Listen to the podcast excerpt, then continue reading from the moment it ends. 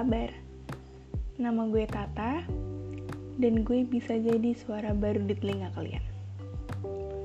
Pertama, gue mau makasih banget buat kalian yang udah dengerin podcast gue yang episode 1. Gue cuma gak nyangka aja, berawal dari iseng, eh jadi makin semangat karena banyak banget yang dukung gue untuk lanjutin ini.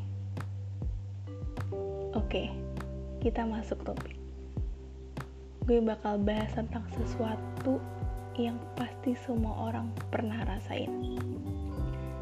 Gara-gara ini, overthinking itu jalan pintasnya. Sebenarnya ini cuma pergulatan antara hati sama otak setiap kita ngeliat ke kaca. Iya, kalau kalian lihat cover episode kali ini, kita bakal bahas tentang insecurities. Kalau bahas tentang insecurity, gue nggak tahu kenapa sih, tapi gara-gara insecure, kita jadi susah ngelihat sisi positif yang ada dalam diri kita sendiri. Kita jadi lebih mudah ngeliat yang negatif. Gara-gara itu, kita berusaha jadi versi terbaik dalam diri kita sendiri, yang tanpa kita tahu, kita tuh sebenarnya udah sempurna. Selalu ada aja peluang untuk ngelihat sisi jeleknya kita sendiri entah berat badan, tinggi badan, atau lemak yang kita sebut parasit di badan. Kalau kita perhatiin ya, setiap ada pertanyaan tentang data diri yang suruh sebutin kelemahan sama kelebihan, pasti yang diisi duluan pertanyaan yang kelemahan dulu. Terus yang kelebihan dipikir dulu lama banget atau paling nanya temen. Insecure tuh mudah banget ya. Sampai kadang kalau misalnya kita insecure kita nggak kerasa. Gue yakin sih insecure pasti pernah dirasain semua orang bahkan model. Karena menurut gue insecure itu hak semua manusia. Tapi lo nggak tahu aja banyak orang yang berharap badannya kayak lo. Iya bener, gue gak salah ngomong barusan. Lo gak sadar aja banyak orang yang ngelihat lo dengan tatapan berbinar-binar, yang dalam otaknya dia mikir, astaga, dia cantik banget. Sama kayak lo pikir ke orang lain. Mereka yang tinggi mau punya tubuh yang pendek mereka yang pendek mau punya tubuh yang tinggi. Mereka yang kurus mau gemukin badan. Mereka yang gemuk mau kurusin badan. Iri terus satu sama lain. Gitu aja.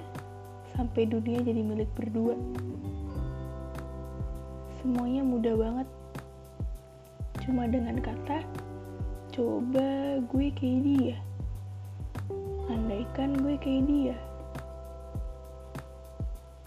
tapi kecantikan lo itu bukan dilihat dari bandingan wajah orang lain. Kita minder sama orang yang mukanya glowing. Gara-gara ini, standar spesial kayak begitu yang bikin insecure bakal bisa disebut sebagai parasit. Iya, insecure itu nggak salah. Tapi kalau kita yang ngebuat insecure jadi penghalang buat kita melangkah lebih maju, itu yang salah sama kalau misalnya bikin jati diri kita hilang. Oke, gue tahu ini klise banget, tapi gue mau bilang lagi kalau kita itu spesial di jalannya kita masing-masing yang bahkan orang nggak tahu. Insecure itu cuma buat orang yang kurang percaya diri. Harus dipertemuin sama satu orang yang ngakinin kalau kita itu spesial. Coba bayangin orang itu sekarang. Kadang kita bingung sama orang itu.